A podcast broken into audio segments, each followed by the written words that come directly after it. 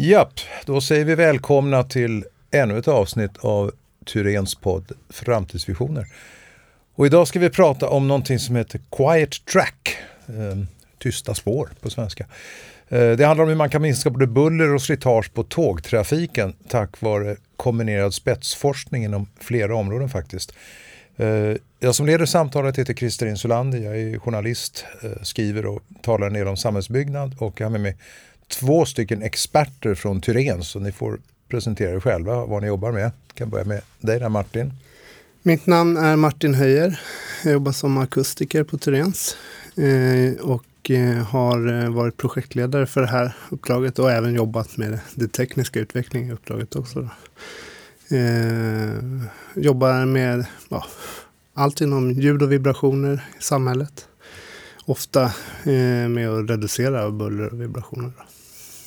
Fast precis nu är du pappaledig. Vi har två barn som sitter i en barnvagn och väntar på pappa utanför dörren här. Det stämmer bra, men man måste ställa upp ibland. Ja. Klart man ställer upp på Tyrens, Tyrenspodden. Eh, Linus? Jajamän, Linus Malm. Eh, jobbar idag som avdelningschef eh, för en avdelning som heter BIM, strategi och samordning. Eh, har jobbat med eh, BIM då som står för Building Information Modeling eh, kan man väl säga. Det står för många andra saker också men vi tar det som får gälla. Mm. Eh, har jobbat med BIM de senaste åtta åren ungefär eh, i olika former, eh, främst inom fastighetssidan. Men eh, är också då projektledare ansvarig för ett FoU-projekt som heter BIM och IoT, Internet of Things. Som eh, har en anknytning till det Martin håller på med. Mm, vi, vi, vi, kommer att komma in på det. Men först det här Quiet Track. Förklara Martin, vad, vad är Quiet Track för någonting? Vad går det ut på? Jag, det, när jag började läsa det lät det jättespännande. Ja, Quiet Track det handlar om eh, framförallt att eh, beskriva eh, parametrar som styr externt buller för hela bansystem, hela järnvägssystem. Eh, och det startade som ehm, eh, eh, Turens har en tradition av att vara med i eh, Eh, forskningsprojekt eh, ja, inom akustik där, och där det handlar om att reducera buller i samhället. Och eh, ungefär 2012 så fick vi en förfrågan om att, från EU-kommissionen som undrade att, eh, om man eh, kunde utveckla övervakningssystem för att, ut, för att monitorera de här parametrarna som då kopplar till eh, buller. Och vilka parametrar är det? Det handlar om ojämnheten på, på rälshuvudet i kontakten mellan hjul och räl. Det handlar om hur vibrationer, eh, hur snabbt de dämpas ut i rälen. Eh, det måttet heter track decay rate. Och sen så handlar det också om eh, nötning i kurvor. Under torra perioder så kan det bli väldigt torrt och friktionen mellan hjul och räl blir väldigt hög så att kan, man kan köra sönder både hjul och räl under en kort period. Eh, om man inte gör åtgärder för det. Och det kan vi också detektera. Och allt det här kan man alltså lyssna sig till? Precis, det är det som är vad, vad hela tanken bakom det här. Eftersom, eftersom de här parametrarna kopplar mot ljud så använder vi ljud för att eh, detektera dem också. Då. Och då har ni någon form av sensorer som sitter på tågen eller?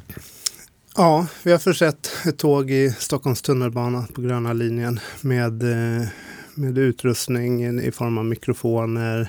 Vi har eh, pulsgivare på en hjulaxel. Sen har vi positioneringssystem med GPS och datorer. Eh, som då kontinuerligt samlar in ljudet under fordonet och räknar om det ljudet till de här parametrarna. Och det är där i den omräkningen som själva forskningen ligger i. Och här kommer, det är väl här då som din expertis kommer in, eller hur? Ja, det kan man säga. Det var väl egentligen ett i, i samtal mellan eh, vårt, vad ska man säga, vår forskning, vårt forskningsprojekt av BIM IoT och eh, Martin som vi som vi upptäckte att det här med sensorer, det vill säga mikrofon i det här fallet, på tunnelbanetågen kopplat till en dator som skickar information upp i molnet och sen skickas tillbaka ner på en server och så kan man analysera datat. Det är ju ett praktexempel på Internet of Things.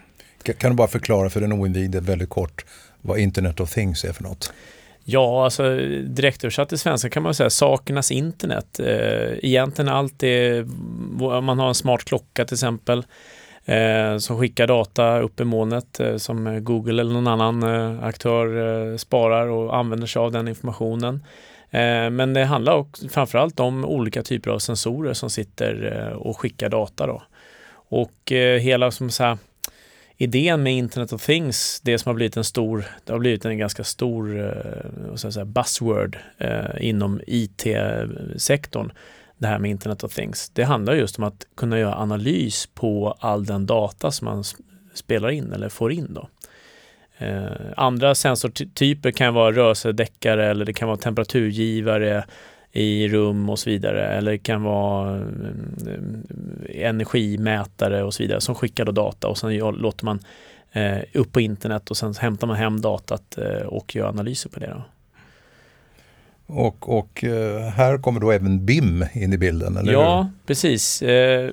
Vi, när vi började med vår, så här, vi kom, jag kommer från en, jobbat med BIM, byggnadsinformationsmodeller. Och eh, första gången när vi träffade Intel var det, det här fallet som egentligen är en chiptillverkare men de tillverkar mycket chip till sådana här sensorer. Eh, och då var när vi presenterade BIM för dem som de sa, men vänta nu, det här eh, Eh, BIM det ger ju också en informationsstruktur till den här sensorn. Så att om du har en sensor i ett rum Eh, om du har tusen stycken sensorer i tusen olika rum, så om du bara får in datat rätt upp och ner, då får du bara en lista med tusen värden. Du vet ju inte var någonstans de sitter. Eh, om man då kopplar istället varje sensor till den här byggnadsinformationsmodellens olika objekt, Eh, så får ju sensorn en plats eh, som man vet också vilken funktion, vad den mäter. Eh, och det var ju samma samtal med Intel och med flera andra aktörer, då, IBM bland annat, som de visar sitt intresse för eh, BIM, eh, sensorer och eh, då kom ju Quiet Track på tal att eh, vi har ju ett, eh, ett sensorprojekt också. Och då eh, vart det intresse. Då vart det liv i luckan direkt. Oj, oj, oj, det här är ju superintressant, tyckte då bland annat IBM. Eh, det det är verkligen ett praktexempel på Internet of Things. Där vill vi verkligen vara med. Och, eh, och, och om, man, om man utnyttjar den här tekniken fullt ut, då kan man, då kan man väl automatisera flera av de här processerna, typ olja hjulen eller spåren eller vad vi nu pratar om för någonting. Precis, alltså, de parametrar som vi idag övervakar, de är ju Alltså de är bra kunskap i sig. Men eh, vi vill ju gå med, vara med på det här tåget som, eh, som drivs fram inom andra. Man, eh, hur, alltså när man bygger eh, presentationsverktyg, när man gör vidare analyser på redan insamlad data för att kanske prediktera vad som kommer hända härnäst. Eh, ja, Eh, liksom som, som en fortsättning på att bara titta på hur det ser ut just nu. Eh, och sen, eh, sen är det också så under våran resas gång så har ju vi eh, eh sett många, många andra saker som vi kan övervaka. Ett exempel är julhalka då. När det blir, antingen om man smörjer för mycket på spåren så eh, Eh, så kan det bli för halt. Eh, men det är också under hösten till exempel när det kommer löv på spåren så, så, så blir det också hala perioder. Eh, där har vi sett att vi kan liksom varna för det och, och kanske ändra körbeteende eh, under de perioderna. Och på så sätt spara liksom slitage också. Då. Men, men, för mig låter det här på ena sidan ganska enkelt och tydligt och konkret och å andra sidan ibland nästan, nästan som science fiction. Jag vet, jag pratade med dig tidigare Linus och beskrev att byggnader som är fullt utnyttjar både IoT och BIM, för att prata förkortningar fullt ut, i princip fastigheter som förvaltar sig själva. Och eh, lite grann här, samma sak med de här eh, järnvägarna, tågen, att de i princip kan serva sig själva om man använder tekniken fullt ut. Stämmer det? Ja, alltså det finns ju delar. Det finns eh, system som man prövar där man till exempel har automatisk smörjning på fordonet. Då. Eh, där är man lite rädd för att eh, kanske smörja för mycket eh, så att det blir hala spår och, och, och andra negativa effekter. Då. Och då, då skulle liksom vårt system kunna hjälpa det och tala om att när det verkligen behövs. Eh, då kan man både minimera slitage och buller samtidigt som man minimerar mängden smörjmedel man sprutar ut. Men där är också ett sådana, där har du då eh, aktörer då som eh, Microsoft och, och, IBM till exempel. De har ju skapat smarta datorer som IBM, de har ju sitt Watson eh, som slog eh, någon kille i USA i Jeopardy till exempel. Där datorn egentligen kan hjälpa till att lära sig av liksom den här algoritmen, att lära sig mer och mer. Så att mm, risken att, att den skulle smörja för mycket, ja det kanske är till en början, men sen när vad ska man säga, eh, datat kommer in vartefter så kommer ju datorn lära sig att men vänta nu, nu vart det ju för mycket smör, nu blev det ju halka istället. Ja men då smörjer jag mindre nästa gång. Och så vidare. och Så vidare. Så man kan egentligen få systemet att op själv optimera sig själv kan man säga. Um, men i, i, dagsläget skulle jag vilja säga som tillägg där med det här med eh, vad, det här, vad de här eh, parametrarna som vi kan mäta på spåret ger. Det är ju också att det ger väldigt bra underlag för förvaltningen.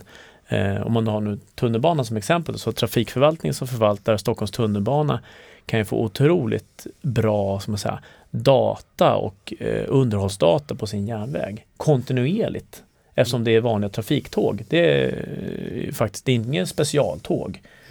Det är det som är eh, snyggt. Idag kan man säga att stora delar av den här informationen är okänd. Alltså man kanske vet den eh, för en kort del av banan. Eh, men, men, men, det vi har visat med det här projektet eh, det är att de här parametrarna varierar ut med banan även i en sån välskött bana som tunnelbanan. Och till exempel då om man gör bullerutredningar ut med, med tunnelbanan Eh, så gör man en ljudmätning kanske vid en bostad Eh, om man tillsammans med det kan tala om att just vid, vid tiden för den här mätningen så var spårstatusen så här. Eh, och vi vet att den kan, vara, den kan bli så här mycket värre eller så här mycket bättre. Eh, så kan man ta ett, ett mer eh, rätt beslut i vilka åtgärder man till exempel gör. Det finns också den möjligheten som längre fram när man, när man har lärt känna sin bana, då kan man ju planera för att nej men den här sektionen, den här biten som ligger väldigt nära bostäder till exempel, den vill vi ha ett förbättrat underhåll jämfört med övriga delar. Så där gör vi lite extra åtgärder som alternativ till att bygga bullerskyddsskärmar till exempel. Då. Men, men den här forskningen, är, är den unik? Finns det inte liknande lösningar till exempel i Holland? Eh. När vi startade projektet så hade vi eh, en referens med och den kommer från Holland som håller på med att prediktera just den här ytroheten på ett liknande sätt. Eh, det som den inte, men den, de, de systemen har dels inte liksom alla de parametrar som vi gör. Det det är ofta, om det finns ett konkurrerande system så är det att de predikterar bara en del av vad vi gör. Men sen är det också så att vi, vi Eh, när vi driver de här forskningsprojekten nu så har vi ett stort fokus på att det ska vara, bli en produkt på Trens. Och därför så har, har det varit stort fokus på att det här inte bara ska bli eh, rapporter som visar att det går utan att det faktiskt är ett system som sitter monterat och, och, och tankar data. Och det gör det även idag, även fast projektet slutade häromdagen. Då. Eh, så, så, sitter den här utrustningen kvar nu eh, och, och, och, levererar data. Och det visar att det är någonting som, som sitter, fungerar och sitter på länge och, och det skiljer oss från eh, de som vi ser som Ja, det, det, är väl ingen annan som har den här permanenta sensor, sensorn som faktiskt sitter på tågen. Nej, precis. Inte mm. som vi ser. Du, du berörde tidigare, men vilka skador är det som kan undvikas tack vare Quiet Track? Dels så kan man ju hålla kontroll på bullernivåer på ett annat sätt eh, och, och, planera för det.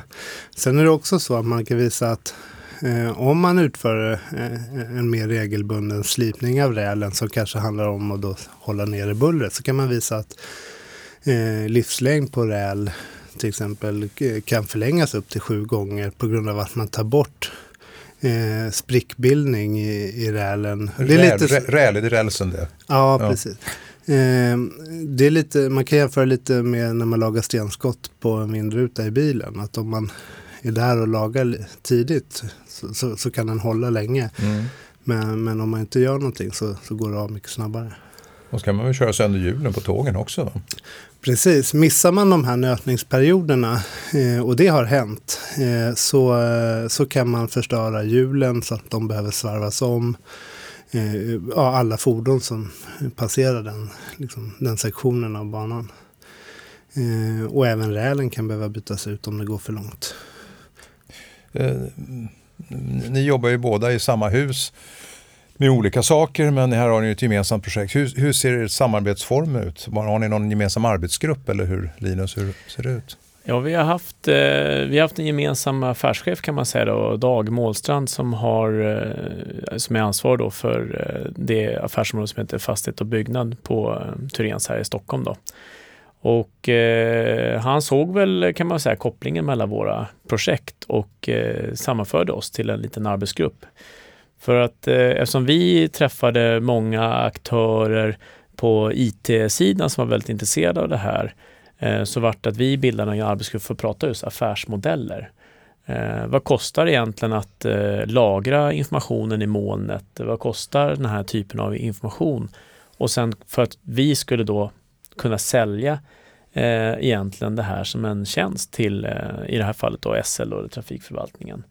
Eh, eller dess entreprenör, nu vet jag inte vilken, vilket av dem det blev. Men, men eh, så att eh, vi bildade en grupp, det var Martin, jag, eh, Martins chef Peter och sen en kollega till mig, Per Bjellnes och Dag. Då. Så vi har haft månatliga träffar kan man säga, där vi har diskuterat och räknat lite grann hur det här, vad man säga, produkten skulle se ut.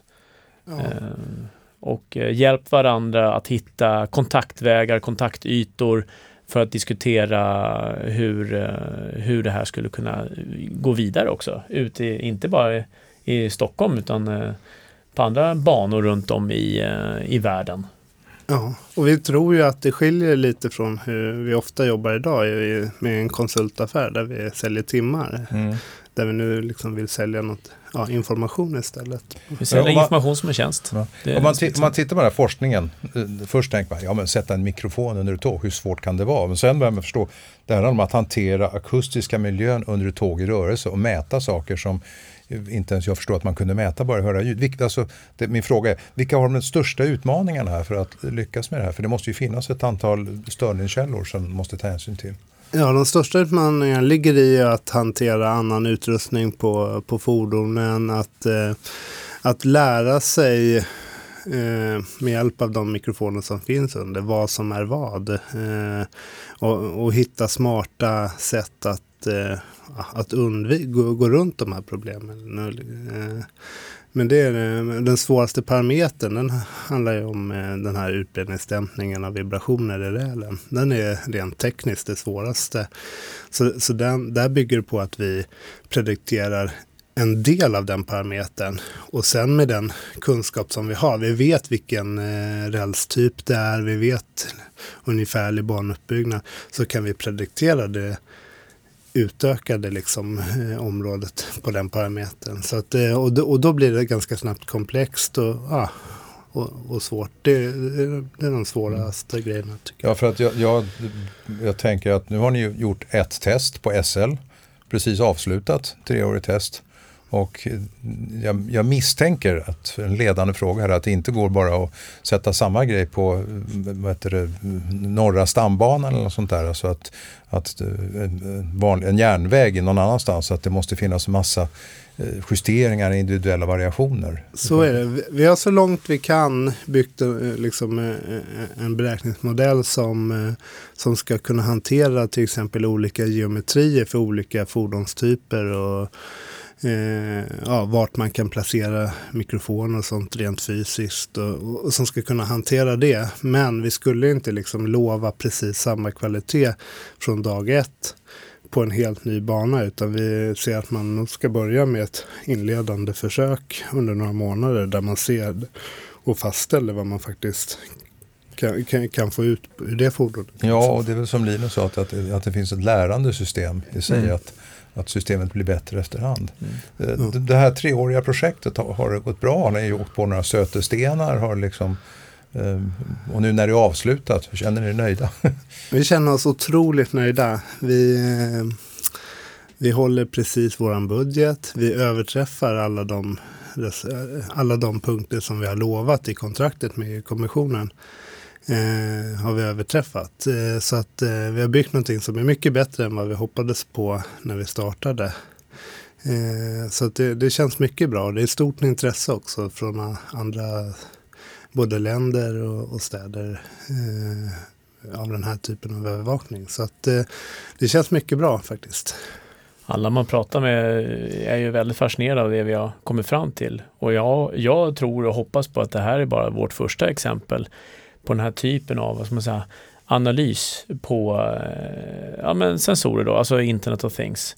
Jag tror att Thyrén som eh, konsultbolag med alla våra experter inom olika ämnen, brand, akustik, eh, vad det nu kan vara. Jag tror att vi är absolut lämpade för att fortsätta med den här typen av vad ska man säga, lösningar. Där, jag menar, det som, det som du säger det här att bara spela in ljudet, det är väl ingen konst, men det är ju analysen som är det, det, konsten. Mm. Det är det som är det unika här. Eh, och eh, IT-bolag i all ära och sensortillverkare, mikrofontillverkare kan absolut sätta upp massa fina mikrofoner och koppla upp dem till internet eller vad det kan vara. Men klarar de inte av att göra analysen och förstå hur en järnväg fungerar och så vidare, då, då har de ingenting där att göra. Men det är där vi kommer in. Eh, för vi har ju så pass många experter inom så många områden.